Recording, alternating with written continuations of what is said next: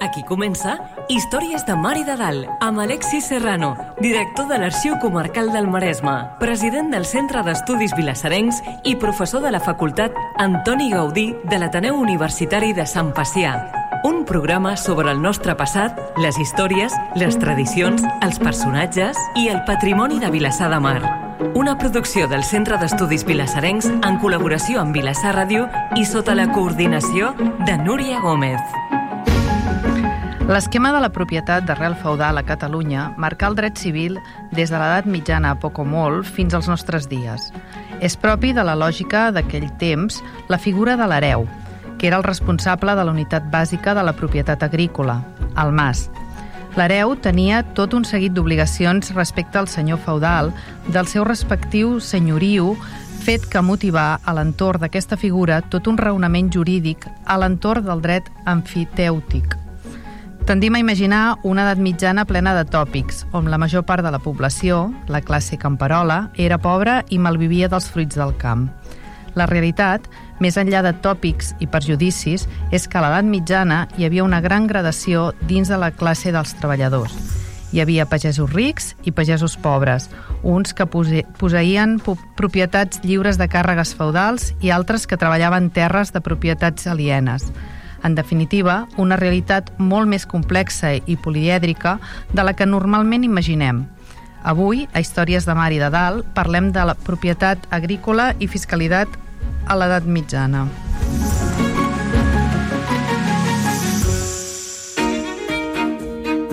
Històries de Mar i de Dalt. Entrant en matèria. Benvinguts. En el programa d'avui parlarem amb l'Enric Sobinyà de Masies, propietat agrícola i fiscalitat a l'edat mitjana al Baix, al Baix Maresme. I aprofitant que tenim l'Alexis, li podríem demanar que ens en fes 5 cèntims. 5 cèntims, només. no més. Només. Bé, avui parlarem, sí, de propietat. A l'edat mitjana sí, parlarem de fiscalitat, sí, parlarem d'obligacions dels pagesos amb els feudals, però no a l'edat mitjana, tota l'edat mitjana, perquè l'edat mitjana és un període molt, molt llarg. Parlarem de la baixa edat mitjana, parlarem dels últims compassos de l'edat mitjana. Jo sempre dic que l'edat mitjana, en veritat, és un, és un, és un període de temps no? Una, que no va existir mai. És a dir, la gent de l'edat mitjana no s'anomenava a si mateixa medievals, no es consideraven que estiguessin al mig del no-res. Vull dir, aquella gent la gent de l'edat mitjana, tant si era la gent del 800, de l'època de Carlemany, com si era la gent del 1000, com si era la gent del 1400, els contemporanis amb Cristòfol Colom, per posar algun exemple, doncs aquesta gent no es consideraven medievals, es consideraven els moderns. Hi havia, per ells, hi havia dues categories històriques. Hi havia l'antiguitat, l'antiguitat dels grecs i dels romans, amb, amb tots aquells grans autors clàssics, no?, en aquella època en la que al final, en, en, en, la, en la culminació d'aquests temps va néixer Crist, i els moderns. Els moderns són els cristians, no? des de l'adveniment de Crist a la Terra, doncs eh, fins al present, diguem-ho així. No? Per tant, tota la gent a la mitjana es considerava a si mateixa els moderns, eren els moderns de la seva època, no eren medievals, no estaven al mig del no-res. El problema és que en època, en època moderna i en els segles a venir, la gent començarà a mirar enrere i dirà que tot aquell passat, no? aquell passat que passen moltes coses des de la tardoantiguitat fins la descoberta d'Amèrica per una part de la historiografia o la caiguda de Constantinople a mans dels otomans el 1453 per uns altres, eh, per una altra historiografia, doncs allò assenyarà doncs, l'etiquetatge d'un període que és llarguíssim que és llarguíssim i que no s'assembla gaire a l'inici d'aquella època, amb l'època de Carlemany, i encara menys l'època de Carlemany, amb l'època doncs, de, dels papes d'Avinyó o de l'època, doncs, que dèiem, dels contemporanis de, de Cristòfol Colom. Per tant, una època que no va existir. Nosaltres avui parlarem concretament de la propietat de la terra, parlarem de pagesos, parlarem de gent que treballava la terra, parlarem d'aquests feudals que tenien que tenien una sèrie de drets sobre els pagesos que treballaven aquestes terres, parlarem de les diversitats de propietats que hi havia, perquè és una època molt complexa d'entendre, perquè hi havia, que has anomenat tu, hi havia l'amfiteusi, la, per tant la terra es dividia, tenia com dos aspectes, la propietat, el que anomenem la propietat eminent, i la tinença útil. I avui, per parlar de tot això, que són temes molt complexos, hem anat a buscar a una de les primeres llances del país, que és el doctor Enric Sobinyà i Coll, que a més a més és, eh, president encara, president del Centre d'Estudis Argentonins i, i jo crec que és la persona més indicada per parlar-ne i posar una mica de llum en la foscor de l'edat mitjana. I ara coneguem el nostre convidat d'avui.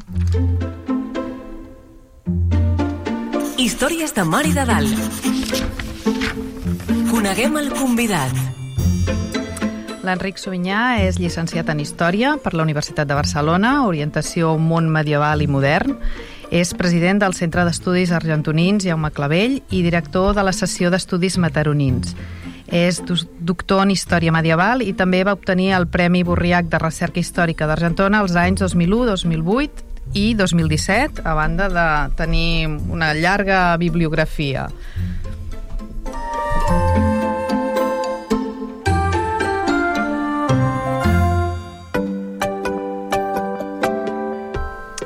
Doncs benvingut, Enric.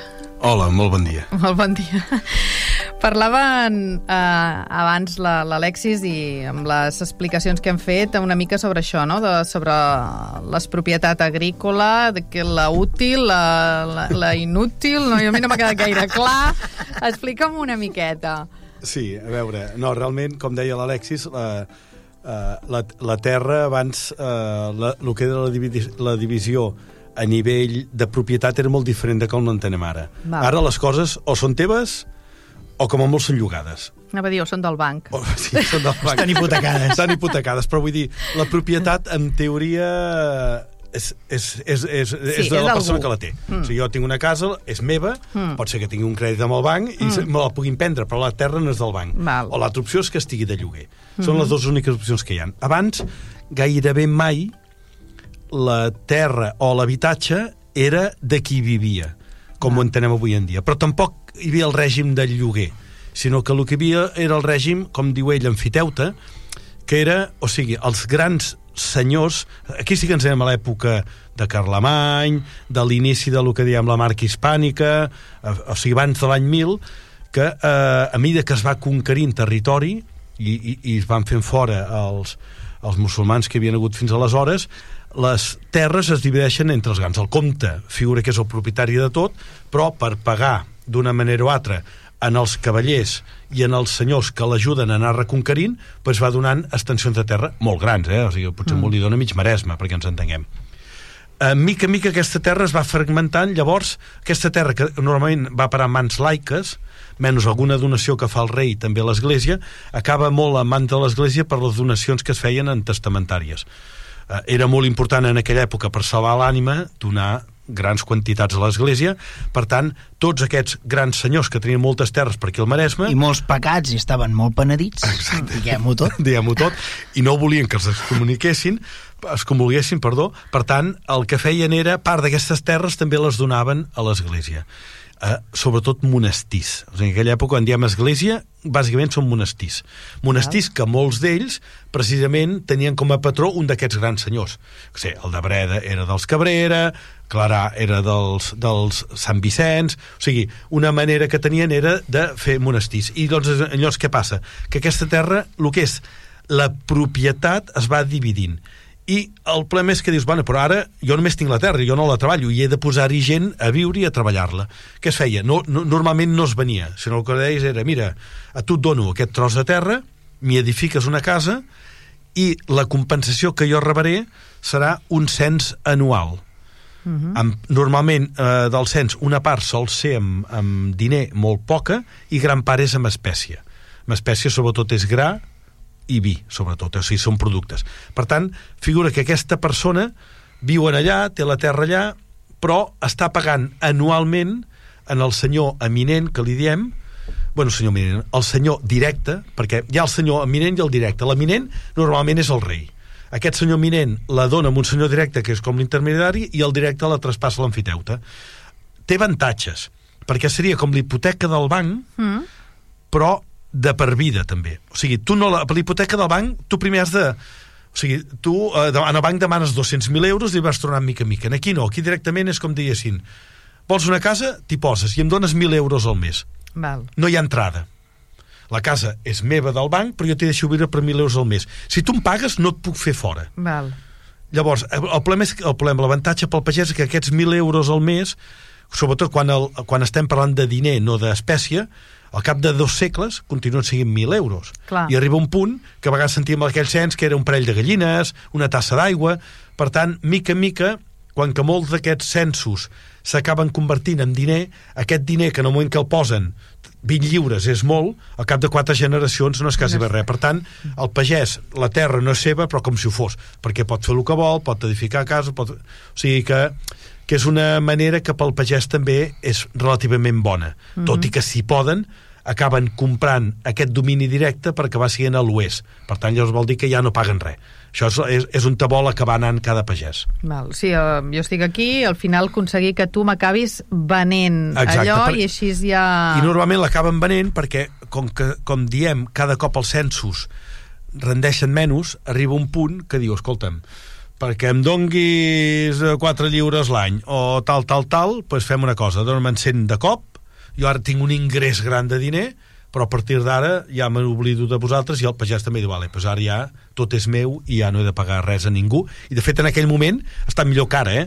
Sí. perquè en el moment que deixen de pagar els censos clar, no hi ha ajuntaments, no hi ha universitats per tant realment eh, gairebé no hi ha impostos Clar. Tampoc tenien serveis, eh? No, no, no, dit. està clar. Però arriba un moment que gairebé tu cultives, tu vens, però no, no has de pagar res a ningú. Uh Mhm. -huh. Per tant, jo a vegades diuen, hòstia, és que abans treia molt. Dic, ja, sí, però és que ara també ens treuen molt. Sí. I ara tu pagues el 20 o el 25, o sigui, el Delmer un 10%.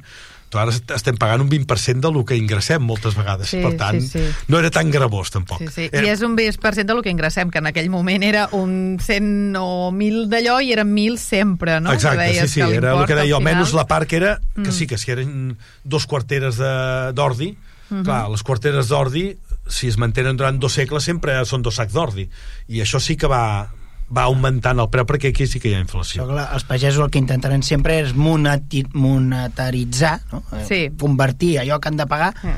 Doncs això, si havien de pagar tres gallines l'any, doncs eh, convertir-les en diner, perquè tres gallines cada any són tres gallines. Sí. Eh, I en canvi, doncs, no sé, tres lliures, doncs Exacte. són tres lliures. I per tant, eh, clar, si ara paguéssim, per exemple, els lloguers que pagaven els nostres avis a, als anys 20, doncs estaríem pagant per una casa de cos una passeta, una passeta i 50 cèntims. Clar, doncs això eh, era un gran negoci, això, diguem així, no? I, i de fet, no, no eren tontos, sabien el que volia dir que la vida, que el preu de la vida... I, per tant, eh, els pagesos, de fet, es troba sovint els fons patrimonials que les recomanacions que fan els pagesos als seus fills doncs una d'aquestes és aquesta, que intentin doncs, no, amb la mesura del possible fer això i a casa nostra tenim un, una gran quantitat de de pagesos a l'oest, no? que són aquests pagesos independents que no han de pagar res a ningú i després tenim una gran quantitat doncs, de pagesos doncs, que allò que anomenem remenses no? que són aquells que en un cert moment intent, poden pagar per rescabalar-se d'uns determinats drets si, si ens pots parlar una mica de la condició Sí. remensa Ah, sí, sí, sí. A veure, només, només per, per acabar això, aquest tema. Quan hi ha aquest, el gran moment en què es passen els censos de, de lo que és de producte a diner, que es diu reducció, normalment és reducció de censos, és amb les crisis. Sobretot la, amb la crisi de la pesta negra, què passa? Que els senyors necessiten diner, com sigui perquè en aquell moment tot està... I llavors, en allà és quan els pagesos necessites diners? Doncs pues vale, pues fem aquest, aquesta reducció del cens. Passem de tot aquests tip... Una, però és que a vegades llegeixes i han de pagar moltes coses i en moltes èpoques. Normalment l'època que es cull. O sigui, per exemple, el vi es paga per Sant Miquel de setembre. El gra es paga per Sant Sant. Pere i Sant Feliu, no, Sant Pere i Sant Feliu d'agost. O sigui, sempre que quan vas Ah, la, el, el, el que són els porcs, la cansalada és per tots sants, que és quan es fa la matança. Vull dir que tot està Sí, posat per èpoques calendari. i a canvi d'altra manera al final acaben dient pues, 20 sous per Nadal i 20 sous per Setmana Santa i d'aquesta manera, en aquell moment que el senyor està molt cardat per seguir el seu ritme de vida a Barcelona, ingressa molts diners, però a la llarga les generacions següents malament.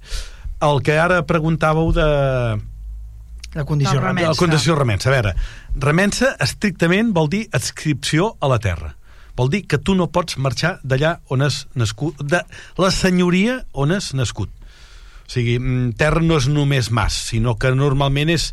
Si tu vas d'un mas a Argentona amb un altre mas a Argentona i tots dos són del senyor del Castell de Borriac, no hi ha problema. A la que dius, no, no, és que jo me'n vull anar a Palafolls i passo a dependre de Montpalau i dels Cabrera, allà és on, es, on entra la remensa. La remensa afectava al cap de casa i a tots els fills. I eh, per poder marxar, el senyor et posava un preu, que aquest preu també és molt dispar. Els homes pagaven més que les dones, perquè, clar, o sigui, el, el, reme- la remensa que intentava? Intentava garantir al senyor que sempre tindria mà de treball en aquell mas. Per tant, aquell mas seria productiu i d'aquell mas podria treure una renda. Perquè, clar, si la gent deixa un mas i l'abandona, mm. ja no pots cobrar censos, perquè si ja no es cultiva... no- Per tant, la remensa era com una, com una garantia que tenia el senyor perquè si si marxaven, llavors què passa? Si marxava una dona, una filla, bueno, també cobrava alguna cosa, però no tant, perquè normalment les filles només es feien càrrec del mas quan eren pubilles havia d'entrar-hi un marit, perquè és evident que el treball femení no ha estat gaire quantificat, però les feines d'abans segurament, que eren molt físiques, segurament en la majoria de casos un senyor preferia que el cap d'una explotació pagesa fos un home que no pas una dona. Uh -huh. Per tant, i en canvi amb els homes, depenent dels que tens, si un tenia sis fills, potser els dos primers els deixava marxar una mica bé de preu, Sí. però quan ja veia que eren dos o tres eh, començava a apretar i al final no et deixava, eh? o sigui, quan veia que la cosa estava malament. La remensa és això. I la men- remensa va lligada a el que coneixem com a mals usos que mals usos n'hi ha sis, que, que els mals usos en si, llevat de la remensa, a veure, també quan parlem de remensa, jo he mirat una mica per quantificar, a, a la meva tesi doctoral està feta bàsicament a Argentona, Mataró i Òrrius. Però bueno, també de Vilassar, ja que estem a Ràdio Vilassar, també coneixem coses. Llavors, quan parlem de, de remensa per quantificar, per exemple, diríem que, eh, per exemple, a Vilassar, eh, pel que fa a Vilassar, tenim que eh, el 20% eren a l'oest. Per tant, eren aquests que la terra era seva, no pagaven res. Això era un 20%. El 35% estaven subjectes a censos. Per tant, pagaven aquestes quantitats anuals per tenir la masia o per tenir una terra, perquè no és per masia només, eh? o sigui, molts cops amb un cap breu, el cap breu és com, la, és com un inventari tot el que tens. Et diu, pel mas pagues tot això, però no et diu, per la terra que tens a la zona dita Sapola, pues una quartera de blat... Per... les peces de terra. Sí, sí. Per tant, les pensions es paguen en funció, els Sí. censos es paguen en funció de les peces de terra. que cada peça de terra paga un, un, un, una, Una quantitat, proporció. depenent de lo gran que és o el que sigui. Uh, I el 35% estaven subjectes a serveis personals i mals usos. Per tant, a Vilassar el 35% eren remenses. Per, per comparar-ho, eh? per exemple, a Argentona, els remenses eh, eren 45%, o sigui, n'hi havia més que a Vilassar.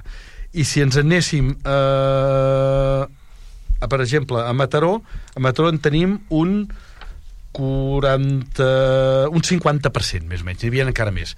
Això, com més cap a la Catalunya vella anem, més gran és aqu aqu aquesta quantitat de remenses. Per tant, anem a dir un 35% de la gent... Quan parlem de Vilassar, suposo que tothom ho té clar. Parlem Sí. de... O sigui, a Vilassar en aquell moment hi havia tres... A la, a la baixa de mitjana hi havia tres nuclis. L'actual poble de Vilassar de Dalt, Cabrils i el veïnat de Sant Crist.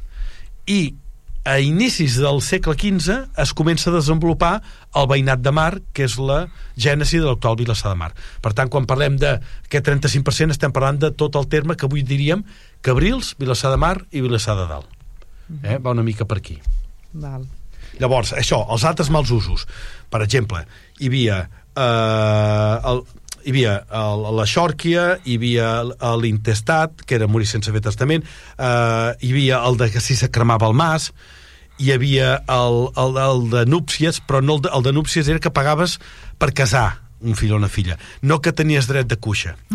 Aquest, Això, que això és una mica una invenció. això no, no, no s'ha documentat mai. Mai. Un, No un, dia, un dia mai. parlarem d'això, un dia parlarem, perquè val la pena parlar-ne. Perquè això són els fakes de la història és, medieval. és, un, és una fake eh, history, de fet. I a més sí, a més sí. gairebé tothom, si li preguntes, escolta, ui, sí, hi havia el dret de cuixa. I no. no hi ha una novel·la que, que s'inventi en l'edat mitjana que no comenci eh, a- Amb el de amb, cuixa, amb un dret sí. de cuixa. No hi ha una pel·lícula on no hi aparegui, eh, no sé, la Catedral del Mar, per exemple, Exacte. comença eh, També amb amb la pretesa Eh, eh, i- i- cobrament del dret de cuixa. No? I, I, evidentment, els mals usos també eren masclistes, eh? perquè, per exemple, hi havia un mal ús que era la dona adúltera.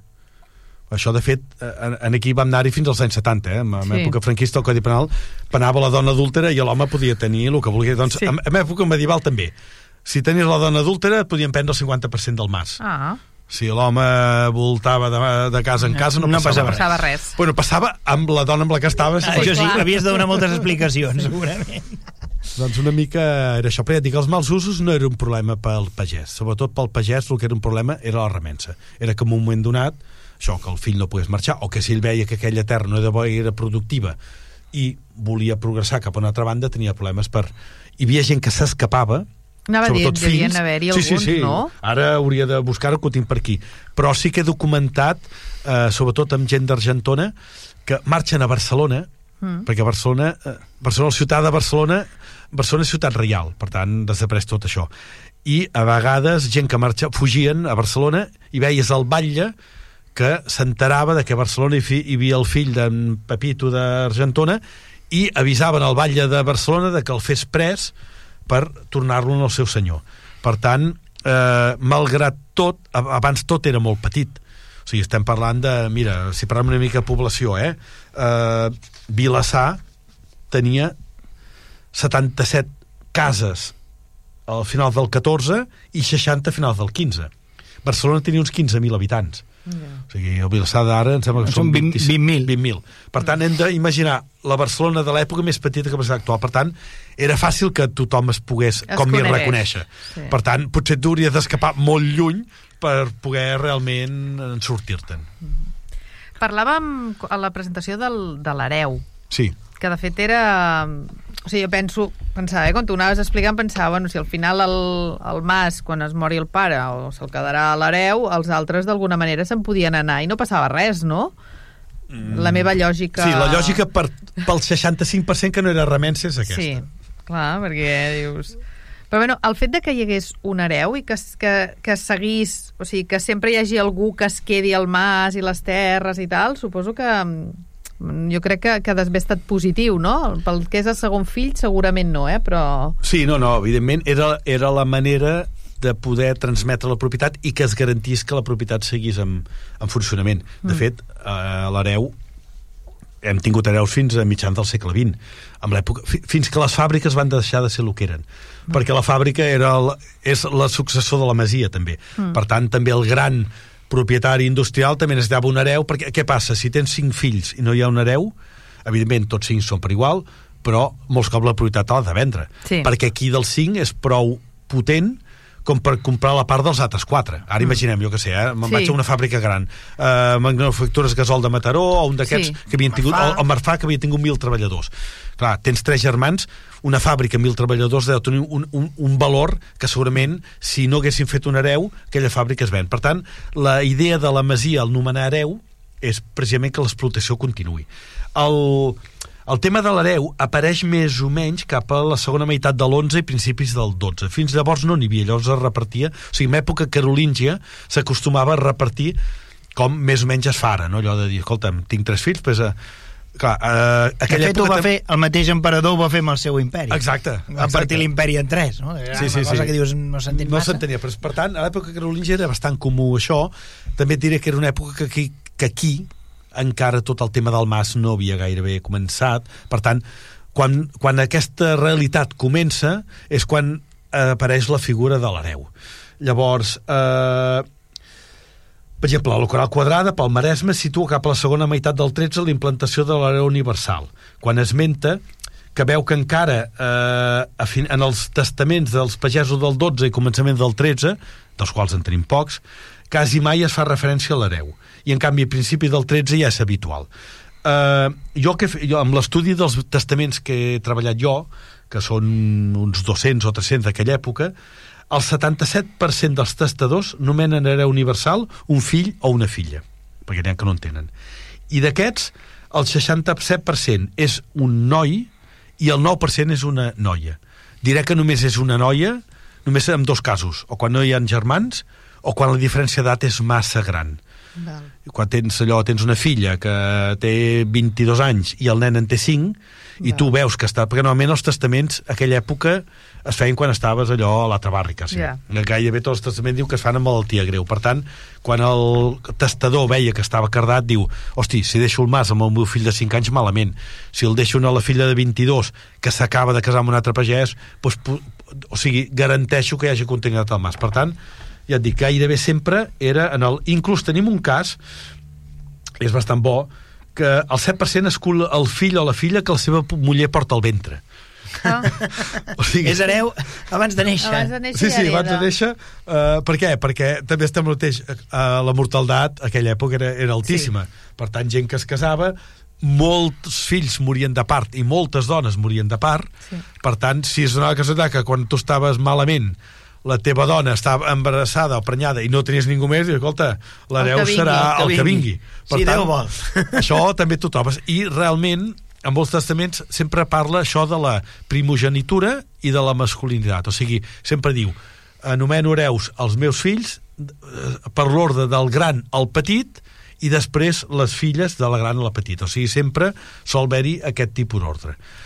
Hem de dir que no es queden sense res que no són hereus, perquè el dret civil català preveu que la legítima és un 25% del, dels béns. Per tant, quan un hereu eh, heretava el mas i les seves terres, es havia de fer una valoració, o sigui, imaginem ara, eh, el xalet dels pares, què val? 300.000 euros. Clar, un 25% de 300.000, estem parlant de 75.000. Mm -hmm. Per tant, jo puc heredar el xalet dels pares, però jo he de donar 75.000 entre tots els altres germans. Clar, sembla que sigui poc, però molts cops també havien de vendre terres, endeutar-se. Sí. per poder aconseguir aquest 25%, perquè molts cops el que no tens és líquid. O sigui, de tu heretes un mas, cops als unes terres, però tu no tens allò, un líquid en el deu. Per tant, anem a dir que d'una manera o altra s'intentava garantir que els que no eren hereus cobressin. Tot i que moltes vegades, quan se'ls havia donat ja la legítima en vida, Mm. Això ja es descomptava de quan es moria. O sigui, molts cops ja, quan es, es feia un contracte matrimonial amb una filla, les filles tenien més legítima que els fills.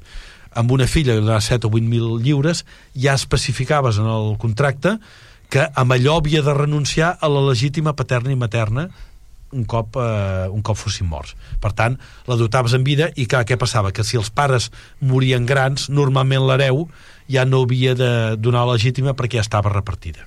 En aquest cas, a les filles. Uh, els, els fills també tenien, però és que els dots masculins són molt més baixos. O sigui, el mercat matrimonial, uh, perquè en aquella època era un mercat matrimonial, o sigui, Sí. així, ben bé dit així, uh, so, i sobretot es feien els mercats, o sigui, quan tu tenies una filla per casar, el primer que feies, o un fill per casar, era donar veus. Com més potent fossis tu, més lluny podies anar a casar el fill o la filla. Per què? Perquè necessitava... Tu deies, per exemple, aquí eh, me'n vaig a Vilassar, els, Malló, els Malloles de Vilassar, una de les famílies més potents que hi havien. Els Aroles, una altra. Clar, si els Aroles tenien una filla per casar, sabien que aquella filla, o si era un fill, valia ben bé 10.000 lliures. Per tant, començava a... qui té 10.000 lliures per aquí a la vora? Només ho tenien els cabanyes, els no sé què, no sé quantos. T'anaves al mercat de Sant Celoni i per allà corria. I finalment, escolta, que ens han dit que els Aroles de Vilassar estan buscant un, un noi que tingui 10.000 lliures per poder casar amb la seva filla, que a més a més serà la pubilla. I d'aquesta manera et trobes que quan analitzes els matrimonis, les cases potents es casen lluny. Lluny vol dir Perquè han de buscar una potència Sí, similar. clar. Clar, I, I en canvi, els, de, els, sobretot els menestrals, els de les masies petites, hi ha molta endogàmia de pobles. Propera. O, o el mateix Vilassar vas a creure's allà. Per què? Perquè no tenies aquesta potència. I llavors, com que una dona costava més de casar que un home, entre cometes, havies de pagar molt més per casar una filla que no pas per casar un fill. Vull dir que també diria d'una manera o altra que passaria el que passava a la Xina, no? allò de dir que, que preferien tenir fills que filles. Clar. perquè els hi clar. servia més per la terra i perquè eren més barates per casar. Clar. De fet, eh, els italians tenen aquella frase que diuen, quan, quan et feliciten, diuen auguri e figli maschi, no? Au, eh, eh, Sí. Això, que tingui sort i fills Fills mascles. mascles, sí. Perquè les filles femelles, doncs clar, eren una ruïna, podien ser una ruïna. Aquell matrimoni que tenia només set filles, doncs era un desastre. De- Sí. Des d'un punt de vista econòmic era un desastre. Sí, sí. I per tant la solució era doncs aportar-les algunes de monges aquí i allà, algun- alguns establiments de caritat, perquè clar, realment eh, era dur, era dur Que també pagaves, eh? que també havies de pagar. Per portar-les a un sí, sí, convent. sí, si vols Sí, portar s'havia de pagar convent, un dot. Un dot i alt, també depèn del convent. com També es depèn, de la, també depèn de I l'ordre. si anaven a l'església, també eh, allò típic del benefici, no? Que diuen, aquest no té ni benefici ni, Ni ofici, ni, ni benefici. benefici. Si Ah, volies mira. entrar també en una església, de... S'havia d'instituir un, bene, instituir un havies benefici. d'aconseguir un benefici i, i anaves cobrant de les misses que deia aquest benefici. Vull dir que has havia de pagar per anar tot arreu. Gratis no hi havia res, ja ho Eh, veig. com eh? ara? Eh, com sí, ara? no, no, però ens queixem i potser Estem- llavors estem allà estaven mateix. per allà mateix, Estem eh? allà mateix. Eh, dèiem una cosa, ho hem dit una mica de passada, que és com trastoca a tot el panorama la crisi, allò que anomenem la, amb la crisi baix medieval i concretament l'impacte de la pesta negra, Sí. 1348, si no m'equivoco. Hem de pensar, posem-ho, eh, eh, ho hem dit molt de passada, a la taula aquí tots ho Sí. sabem, però l'impacte de la pesta negra no és el Covid-19, no? el Covid-18. És, és, una, és una epidèmia que va dalmar la població d'Europa en alguns indrets a la meitat, en alguns indrets a tres quarts, hi ha llocs on s'ha estimat que el 80% de la població ha desaparegut. Hi ha, hi ha pocs estudis globals, hi ha alguns, alguns estudis més locals on s'ha estudiat l'impacte de, de, de, de, doncs d'això, no? de, la, de, de, la pèrdua de població que s'havia produït, però s'estima això, que molta gent va desaparèixer. Que molta gent desaparegui eh, és un impacte traumàtic, però sí que és veritat que els que ara ho diré, sonarà molt heavy, eh? però que em perdonin els nostres oients, però els que sobreviuen són tots, a, a tots on han heredat. Sí. És a dir, imaginem-nos, jo tinc una sabateria a Mataró, no? Soc un sabateret que tinc una sabateria. Però clar, eh, s'ha mort la meitat de la meva família. Però és que també s'ha mort el sabater, l'altre... Qui feia la competència? I per tant, és veritat que a Mataró hi ha menys peus, peus vius que corrin, però també és veritat que no hi ha competència. Per tant, els preus, encara que no, no sabem massa ben bé com, però genera un, un, un episodi de, de, de, de, de, de creixement dels preus, pugen els preus. De fet, després de l'impacte de la pesta negra, veiem com l'economia reviscola i amb una intensitat que no hi havia abans. Prèviament a l'impacte de la pesta negra tenim una situació, tenim una població molt malnodrida, on ja prèviament a l'impacte de la pesta negra veiem que hi ha gent que passa gana, quan els preus del blat pugen per sobre de la, de la quantitat de blat que hi ha al mercat, diguem-ho així, la gent passa gana i tenim aquell famós 1333 que els cronistes anomenen l'home l'any primer, és el primer any dolent dels dolents que vindran darrere i és el primer any dolent perquè els previs eren tots anys bons. Fins aleshores veiem com per treure els ventres de pena d'aquella població, cada vegada es posaven més terres en labor, no? Es roturaven els boscos, es tiraven els, els, els arbres a terra, es posaven les terres en, en, en cultiu i més terres en cultiu, més gra que es produïa, bàsicament es produïa gra, i la gent s'alimentava així. Però a partir d'un cert moment, i és per això que els catalans se'n van a Sicília, perquè és el graner del Mediterrani occidental, no? així com ho havien fet els romans amb Egipte, on el mateix, però és veritat que en un cert moment no hi ha prou aliment per tothom. I quan arriba la pesta negra i troba una població malnodrida, la població cala gairebé a la meitat. Mm. Hem dit que la major part de la població mor o desapareix i que els que queden han heredat, perquè jo estic, eh, torno jo, sóc el meu sabatret, però com que també han mort els meus pares, doncs la casa dels meus pares me la quedo jo i tinc la meva casa, la dels meus pares, etc etc. I ara anem a veure què passa. Si jo sóc el meu, tinc el meu taller de sabaters, eh, però també s'ha mort el meu aprenent, vaig a buscar un aprenent. Eh, I vaig a buscar l'aprenent que treballava amb l'altre sabater. I li dic a l'altre, a l'aprenent, dic, has de venir a fer sabates per mi. Diu, vale, vale, sí, vinc. Diu, però què em pagues? I jo li dic, doncs, el mateix que pagava abans, 5. Diu, ah, jo per 5 no vinc. I, i veiem com en aquest moment veiem com hi ha les primeres pressions per part de l'empresariat, diguem-ho així, de la burgesia aquella primerenca, com intenten fer pressió als municipis perquè es legisli un preu, un salari màxim. No un, no un salari mínim, no, un salari màxim perquè no pugin. Malgrat això, els salaris pugen perquè, vale, jo et pago 5, però m'hauràs de pagar una fogassa de pa al dia, m'hauràs de posar el llit, m'hauràs de posar el plat a taula, i els salaris d'alguna manera pugen, pugen i pugen i pugen. I què passa quan la gent cobra més diners?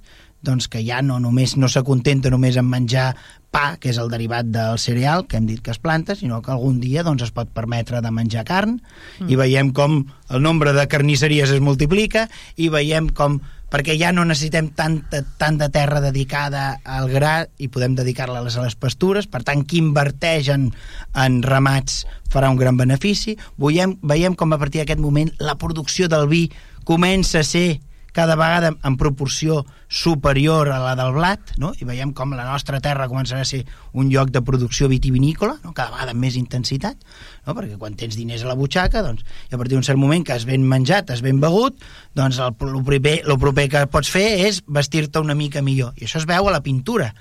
Pintura es veu com els pagesos comencen a vestir una mica millor mm. i com hi ha tota una maquinària a l'entorn de la indústria del teixit i això a Barcelona és una gran potència, també ho serà València, no? I veiem com hi ha tota una maquinària que es mou a l'entorn d'això. Per tant, d'una gran crisi de finals del, de, de, del, del segle XIV, doncs veurem que hi haurà una gran recuperació, a poc a poc, molt progressiva, al segle XV, al segle XVI, al segle XVII, no? que ens portarà doncs, a la gran expansió del, de l'època moderna. Perdoneu aquesta digressió, però m'ha semblat oportú explicar-ho. I, no, I, de fet, si vols et poso quatre números del que has dit, més, més concrets pel territori que parlem. Sí de fet, quantificar els morts de la pesta negra és gairebé impossible perquè, malauradament, no tenim cap registre de població pre-pesta negra. O sigui, els primers fogatges són més o menys, els que tenim per aquí són de 1364 i algun recompte. El primer general del país és 1378 uh -huh. i el segon eh, ja ens aniríem al 1497. Per tant, què passa? Que la, prim, lo, el 1333, que són el, el primer moment de, de Gana, tot i que Pere Benito ja ha documentat que als segles XII i XIII hi van haver-hi bastants anys dolents de, de fam. Passa que estem parlant d'una època pot documentar i costa, però la fam era cíclica. Si això li sumem la pesta negra del 1348, clar, eh, nosaltres sabem com estàvem al cap de 30 anys d'aquesta pesta negra. Però, malgrat tot, anàvem de baixada encara. Perquè, per exemple, és el que hem dit, Vilassant tenia 77, però és que comença el segle, acaba el segle XV amb 60. O sigui, el 1378 en té 77. No sabem què tenia abans de la pesta negra, però hem d'imaginar que igual estava amb 90 o 100. Mm. I aquesta recuperació, no, com diu ell, no comença fins al 16. Uh, Vilassar perd un 22% de població entre finals del 14 i el 15, Argentona un 16, i en canvi Mataró guanya un 60%. Per què? Perquè en aquell moment Mataró és al revés, comença a ser nucli d'atracció El, el, el, el que és la Sagrera de Mataró comença a créixer, comencen a haver-hi molts oficis, passa a ser vila reial, amb el que implica de la llibertat aquesta que tu anaves establint allà i no havies de pagar aquests impostos que sí que demanava el senyor i per tant les ciutats sí que solen créixer i en canvi els nuclis petits perden. Per tant eh, segur que si encara veiem que es perd un 20% de població durant el segle XV com diu ell, potser van perdre la meitat de població. Què porta això lligat, aquesta pèrdua de població? Una cosa que nosaltres parlaríem dels masos rònecs. O sigui, hi han moltes masies que es mor tothom. Per tant, aquell mas queda abandonat. Concretament, per exemple, a Argentona, entre el segle XIII i XV, documento 26 masos abandonats. He de dir que el recompte que tinc jo d'Argentona en aquella època són uns 70. Per tant, 26 de 70 és molt. Ritxou, Montserrat Ritxou per Argentona en localitza 14. Què passa amb aquests massos, com deia ell? Molts pagesos, propers a aquests massos abandonats o rònecs, els van incorporant al seu patrimoni mitjançant compra o establiment per part del senyor. Clar, el senyor, abans de perdre'l, li diu, queda't el tu. La casa no la solen edificar mai més, perquè es volen quedar sol amb les terres. Les terres. I llavors nosaltres tenim pagesos que al segle XV arriben a acumular dos, tres i fins a quatre d'aquests massos, que són els que acabaran sent els grans pagesos. Els cabanyes a l'Argentona en tenien quatre, els Arols aquí en tenien dos o tres, els Ballot també en tenien tres. O sigui, el pagès que es va poder eh, acumular amb tots aquests massos que tenia al voltant, que es havia mort tothom, té molta terra, per tant, té, eh, acaba sent el pagès gras, que al cap d'un o dos segles deixa de residir inclús al Mas i en època moderna se'n va o a Mataró o a Barcelona i acaba deixant-hi treballadors. Per tant, el procés aquest fa això, fa el que diu ell. Molts es moren, però els que no acaben prosperant. I el senyor a més a més ho dona amb condicions molt avantatjoses, perquè diu, abans de tenir-lo abandonat, cabanya, no, no, no m'interessa, no, no, no va, bueno, va, si, es, va, si t'apreto fins aquí, doncs ja me'l quedo, perquè sé que gairebé no et pagaré, i m'interessa tenir-lo, perquè a la llarga jo aquestes terres les soc sots estableix, que, o sigui, amb el mercat aquest que deia d'establiment, hi havia el sots establiment, o sigui, aquell que tenia 20 terres, la rellogava, com aquest que avui en dia lloga una habitació, no? Mm. Doncs és el mateix. Per tant, terres que eren d'un mas, però potser d'aquelles 20 terres que eren del mas, només 3 les, teni, les cultivava el propietari del mas i les altres 17 el propietari del mas cobrava el triple del que cobrava el senyor inicial. Per tant, ell pagava eh, 10 lliures al senyor per la terra, però ell en cobrava 100. Per tant, eh, el senyor també ha pensat caramba, a mi només me'n paguen 10, sé que què paga 100 de lloguer. I, I el senyor no hi podia fer res en aquests casos? No, el senyor tenia només un dret de tenia com... Això avui, mira, avui en dia passa, ara que tenim aquí el director de l'arxiu comarcal, tenia com el, el ret de retracte. Quan una terra es posava a la venda, el senyor tenia 30 dies per comprar-la, però es havia de posar a la venda. Si s'establia, mentre el senyor cobrés el cens que tenia, si l'altre tenia la sort que podia aconseguir 10 vegades més del que va... I clar, hi havia gent que realment venia, vivia d'això. Eren rendistes. Perquè llogaven, entre cometes, tot, eh, ells pagaven 100 lliures per tot el que tenien al senyor i en cobraven 1.000. Amb aquests 900 que tenien entremig podien viure de renda, com, com es feia també al segle XIX, que la gent tenia un edifici a l'Eixample i deien que es vivia de renda. Doncs, no. Acabaven... Quines ganes d'anar a treballar a la terra si, si te la treballen i Exacte. sobre doncs, uh, Això només cobres, passava no? amb els pagesos antics, o sigui, sí. a les nissagues que ja estaven a la terra el 13, el 14, el 15, perquè són els que havien aconseguit aquests censos tan reduïts i, per tant, en època moderna, segle XVI o XVII, pagaven molt poc i, en canvi, la terra anava molt buscada, les poblacions van incrementar molt, va venir molta gent del sud de França i, per tant, estava disposada a pagar grans quantitats per tenir una terra per cultivar. Jo no sé si ens fem a la idea del, de l'impacte que genera no l'episodi de Pesta Negra 1348, sinó les següents anades i vingudes de la pesta perquè la, periòdicament la pesta assotarà el continent europeu i a casa nostra concretament. Mm. I, I ara comencem a tenir alguns estudis que ens permeten afinar que no sempre és la mateixa pesta. A vegades és pulmonar, a vegades és bubònica, la gent de l'època deien que era el morbo, eh, i amb això les dades, però la que ja trobes algun cronista que t'ho descriu, no? que si s'inflaven els bubons a sota la, de la, de, de, de, dels ganglis al coll o a sota les axiles, doncs eh, és el que anomenaríem pesta bubònica, i si sortia sang pel nas, no? Eh, era la pesta pulmonar, que aquesta era més fulminant, no? d'allò no se'n salvava gairebé ningú, que jo anava acompanyat doncs, de trobar animals morts, perquè això també s'encomanava als animals, no? Doncs eh, això va anar acompanyant eh, a Europa i a casa nostra ho va anar acompanyant fins, al, fins a l'època, fins a finals del segle XVIII, d'alguna manera, no? I per tant, eh, cada vegada que la demografia començava a, a remuntar una mica, pam, un altre cop, no? un sotrac d'aquestes dimensions.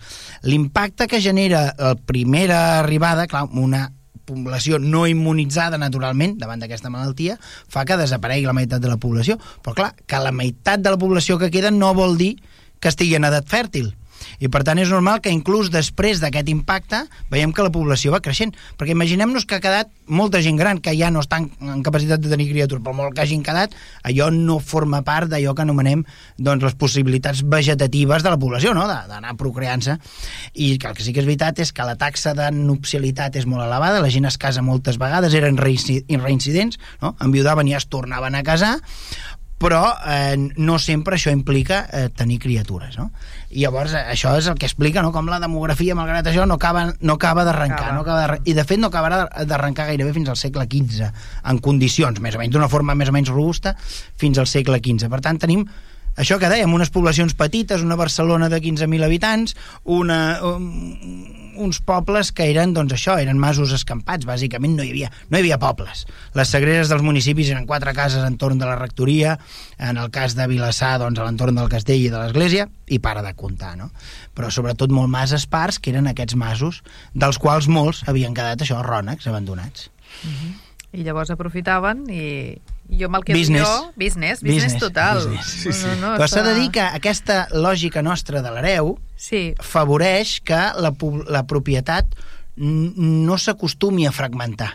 Més aviat al contrari, el pagès gran acostuma a acumular altres propietats, no? ho hem dit amb aquests episodis i amb d'altres que vindran, veiem com els pagesos, eh, aquests pagesos grassos acostumen a acumular. Després hi ha una petita proporció de, de pagesos que ma mantenen la propietat com poden, no? hem trobat alguns casos, i després altres que s'ho van perdent, pràcticament ho van perdent, no?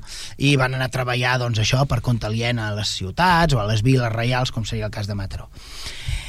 I el fet de que aquesta aquestes propietats no es fragmentin permeten que la gent pu que, que es pugui viure d'aquestes propietats. Perquè en els altres territoris, per exemple la península ibèrica com a Galícia o Astúries on la, la, la lògica és jo tinc tres fills parteixo la terra en tres, els meus tres fills cadascun d'ells en tenen 4, 5, 6 i van partint, al final et queden uns horts tan ridículs que no es pot viure d'allò. I allò és el que implicarà les grans onades migratòries ja a finals del segle XVII i el segle XVIII, Amèrica sobretot, no? els gallegos que aniran a, a l'Argentina, per exemple. I van per això, perquè la terra l'han fraccionada tant que impossibilita viure d'ella. Això aquí a Catalunya no passa tant. Aquí tenim un altre moviment que és que empeny la gent a les ciutats. Bueno, I té altres moviments eh, que se'n deriven, clar. Perquè clar, també entenc que aquests pagesos rics, aquests que poden tenir aquest hereu i tal, aquest hereu tampoc es casarà amb qualsevol, no? Si té tantes terres. No, no, clar, és el que diem, el mercat Sí. d'aquest hereu també va buscar una pubilla que normalment aquests busquen no dones, busquen pubilles per incorporar el patrimoni d'un altre Clar. i és allò que va sumant, o sigui, dius clar, jo tinc 3 o 4 d'allò, doncs busco una que també tingui dos o tres masies i sigui la pubilla, i llavors acabes incorporant perquè realment i, um, i, i masos llunyans, eh? o sigui, Sí. és això que dius que vas més al patrimoni d'algú i té, els cabanyes tenen un mas a Osó a la selva, en tenien un altre aquí al Vallès Oriental a Sanata vull dir, que van incorporant eh, terres llunyanes i masos llunyans per què? Perquè tenen molt de poder o sigui, allò del diner fa diner Sí, és cert. això ha sigut sempre. Sempre, sempre. Sí, sí. És, uh, avui en dia també Sí, és qui sí. té caler, va, hosti, que va comprant i comprant i propietats, doncs abans anava igual. Mm. Uh, si tenies diner, el diner feia diner. Sí. I com més diner tenies, més podies. Sí, sí. I quan que abans potser no, no hi havia tants maneres de, de, de gastar els calés com ara. Sí, clar. Diguem-ho d'una manera o altra. Vull dir, al segle XIII o XIV Sí. no, no podies comprar, podies comprar un cavall, però vull dir, eh, si m'entens, Ho hem, ho hem dit sempre, no era una societat democràtica, però sí molt igualitària. Sí. És a dir, la gent, és a dir, no hi havia molta diferència entre els que tenien No. i els que no en tenien. Potser tothom no. vestia més o menys igual, tothom... I, i, I no podies tenir gaires coses diferents, podies tenir a casa... Una, La diferència una era el menjar. Maca, la diferència era el sí. menjar. Mm. És a dir, aquell que menjava més moltó sovint, bàsicament la gent menjava moltó, doncs el que menjava moltó més sovint, doncs, eh, doncs era el que s'ho podia permetre, i els que menjaven més pa més fosc, no? més pa negre, diguem-ho així, doncs eren més pobrets. Però, però no podia el haver que fa- gaire ostentació, Això com és, pot haver-hi ara. Això és el que diem que per, perquè, perquè els rics eren pagesos grassos perquè pressuposem que estaven més grassos però a més a més perquè s'ho podien permetre de menjar més, no? Sí. I això engreixa. sí, això és cert, això és cert. Amb el tema de la documentació, abans es parlaves Sí. de que amb, el teu, amb la teva tesi, que, que és sobre aquest tema, havies mm, llegit, bueno, o buidat d'entre 200 i 300 Testaments. testaments. Sí, concretament testament. Sí, a veure, uh, clar, el problema de treballar més o menys del 1500 en avall uh, és que les fonts documentals són més, són més escadusseres i molt disperses.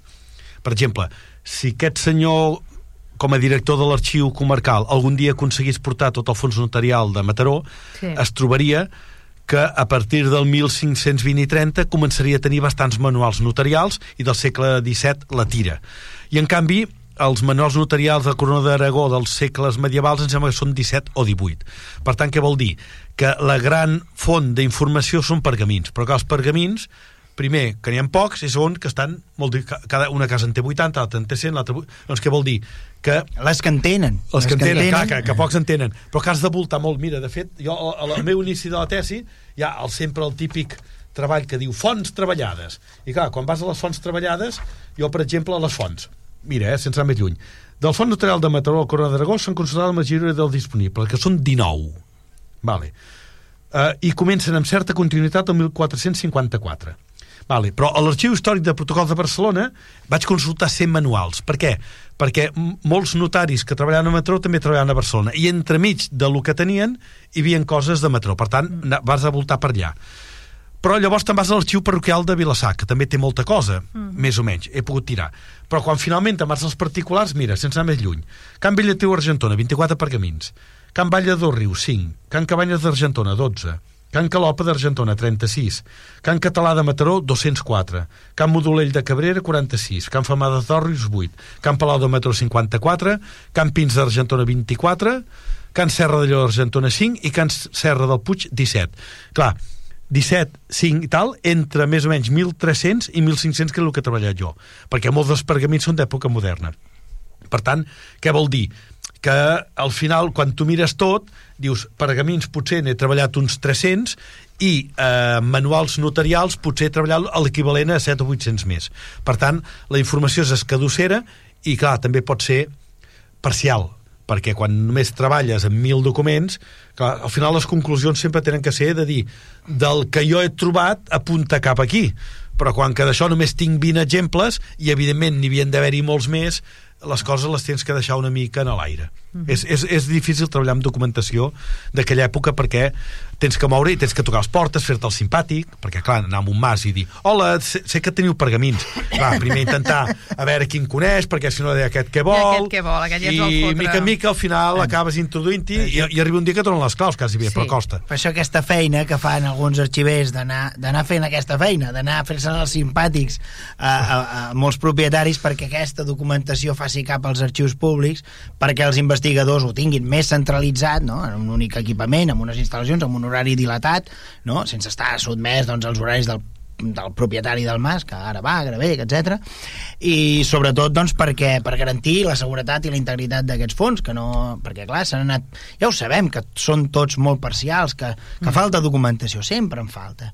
Eh, el que ha arribat, doncs el que ens ha arribat fins ara, doncs hem de garantir això, no? Jo des d'aquí faig una crida. Jo si algun dir, eh? propietari d'un fons patrimonial, doncs que truqui al seu arxiu comarcal de referència, concretament els del Maresme, doncs que truquin a l'arxiu comarcal del Maresme, que que transcriurem la documentació, que digitalitzarem la documentació, que classificarem els documents, que els posarem en línia, que els tractarem amb molt de cuidado, passaran per mans de la restauradora si cal, i que els posarem en materials de conservació per garantir que durin, doncs això, com a mínim mil anys o dos mil anys més, no?, els que, els que facin falta. Jo quan anava llegint he pensat, Alexis, se t'està girant feina, No, eh? de fet, molts d'aquests fons, bueno, molts, alguns dels que has anomenat ja estan a l'arxiu. Perquè entre que ell va fer la tesi i que, i que Sí, un sí, servidor sí. va aterrar a l'arxiu comarcal, Val. doncs hem anat incorporant alguns. Jo els vaig, no em vaig mirar cap encara, en el, bueno, només el, evidentment el, el propi de l'Ajuntament de Mataró, però és cert que, com diu El ell... de el de per Can exemple. Està allà, el, El de de- Can Vallmajor està allà, El de Camp Boter de Palau. el de Can Boter de Palau, per tant, eh, en tenim ja tres o quatre d'aquests fons que jo anava a les cases, a Can Boter de Palau, si no hi vaig anar-hi 100 vegades, Ja. no hi vaig anar-hi cap. És I que clar, allà només eren 800 pergamins. per això, i clar, anar Clar. 100 vegades, ha d'anar a trucar-lo. Hola, què tal, que va bé? Vinc, ara... Però des d'aquí els saludem, són gent molt amable, Sí, sí, jo molt elegant. Vaig estar molt, molt, molt a gust amb en Jaume, em va atendre molt bé, et dic, i al final gairebé tenia la clau per anar-hi, eh?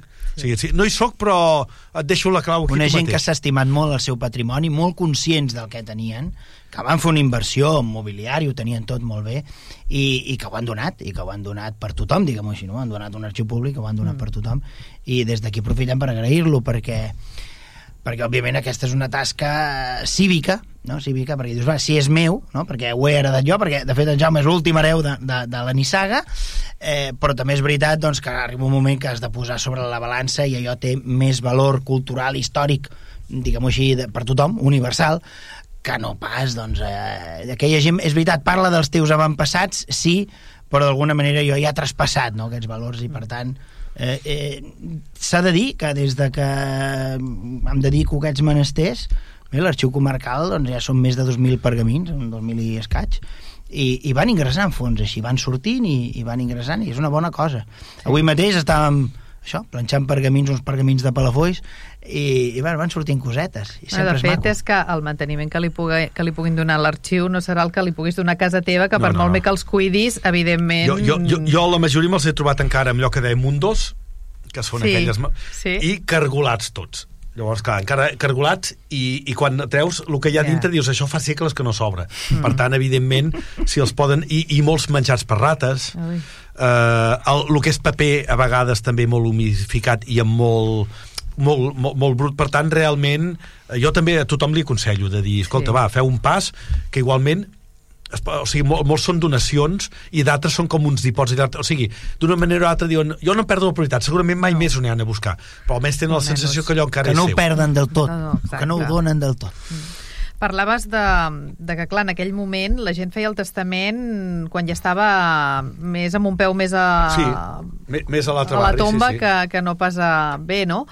Eh, per tant, segurament algú no hi arribava a temps, no? Vull dir que quan arribaven a fer-ho... això era la eh, desgràcia Clar, o sigui, quan un no hi arribava a temps és mm. quan segurament el mas es perdia La intèstia. perquè al ser intestat tots heretaven sí. I quan heretaven tots és quan... Quan havíem de dividir, no? Jo, jo, jo m'he trobat en diversos casos de masos que es venen Uh -huh. i, i molts d'aquests masos que es venen és per o manca de successió directament o perquè ha, ha sigut un intestat, hi ha hagut 4 o 5 germans i s'han hagut de vendre. Per tant, era molt important una, eh, fer testament, o si no, l'altra opció que es feia era heretament en vida en el moment que el, el, el presumpte hereu firmava capítols matrimonials. Llavors, normalment, tu ja feies, en aquell mateix, en aquell mateix document, li feies una donació de tots els teus béns, Ah. reservant-te una quantitat per tu tastar i una quantitat per... per i, I li obligaves en el teu fill a que eh, dotessin els germans. O sigui, ben bé, era en vida de noi, aquí tens el mas, eh, tu t'encarregues de tot, tu de, jo em reservo 100 lliures per quan sigui el moment de fer testament, pues, tenir alguna cosa. Per tant, molts ja ho feien en vida perquè, clar, les malalties les podies preveure, però a vegades no. Clar. I si no hi eres a temps, malament. Hi havia molt costum de tastar, eh? també t'ho diré. Jo crec que avui en dia el costum de tastar s'ha perdut una mica, diria. Sí. En canvi, abans eh, era bastant impensable que algú no fes testament. Ara, quan que ja... Si, encara que no facis testament, Bueno, Els- però els la declaració, fills. la, de, la, la, la declaració de la Pintestato es segueix fent, eh? Sí, I sí, tant. sí, i tant, i tant, i tant. Dir que...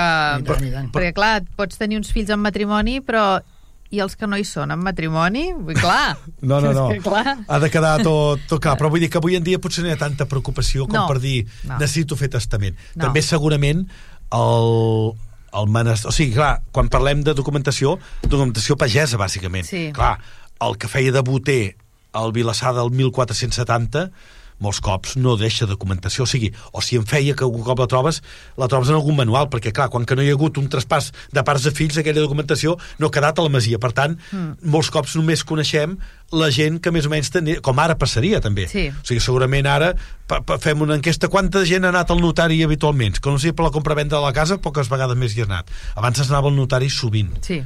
però les classes grasses també, clar. sí, clar, qui podia anar al notari. I, El podia notari anar, devia i qui tenia cosa que valgués la pena, anar al Clar. notari per dir que, que, que, que, que li he donat unes alpargates al meu germà no valia la pena. No, exacte, exacte, o que deixi uns parracs o quatre plats, no? Vull dir, De fet, els historiadors francesos Sí. elogien eh, aquesta filia eh, dels catalans per anar al notari.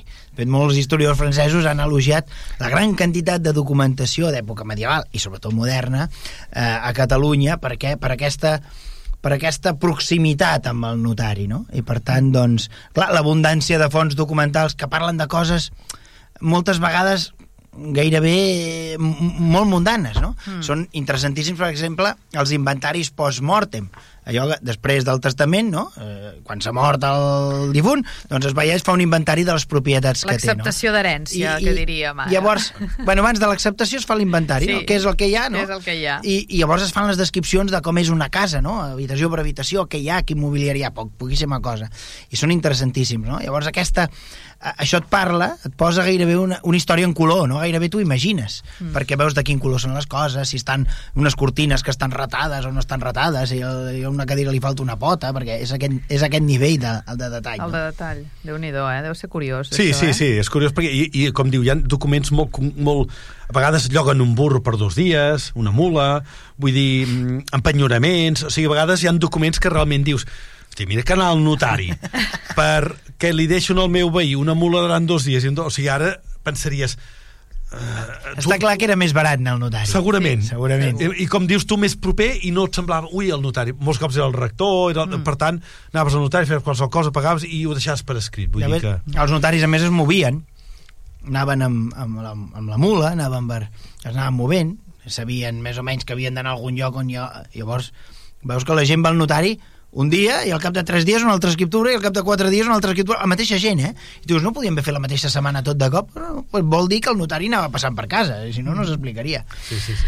Em sap greu, però se'ns ha acabat el temps. Ho hem de, ho hem de deixar aquí. Uh, podem quedar per un altre dia i continuar, perquè dona Un- per, un, per un altre altre dia. Un altre dia. aspecte, sí, sí, perquè realment...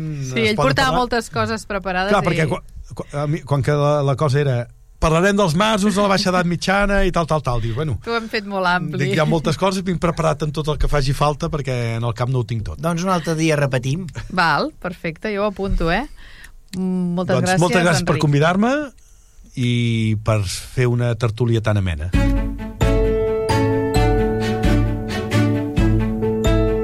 Hem arribat al final del programa. Eh, Recordeu que podeu tornar a escoltar el programa a través de vilassarradio.cat i a Spotify buscant històries de mar i de dalt. També us podeu subscriure al canal de Spotify per rebre el programa cada setmana. Adeu i fins al proper programa. Històries de Mar i de Dalt, un programa sobre el nostre passat, les històries, les tradicions, els personatges i el patrimoni de Vilassar de Mar. Una producció del Centre d'Estudis Vilassarencs en col·laboració amb Vilassar Ràdio i sota la coordinació de Núria Gómez.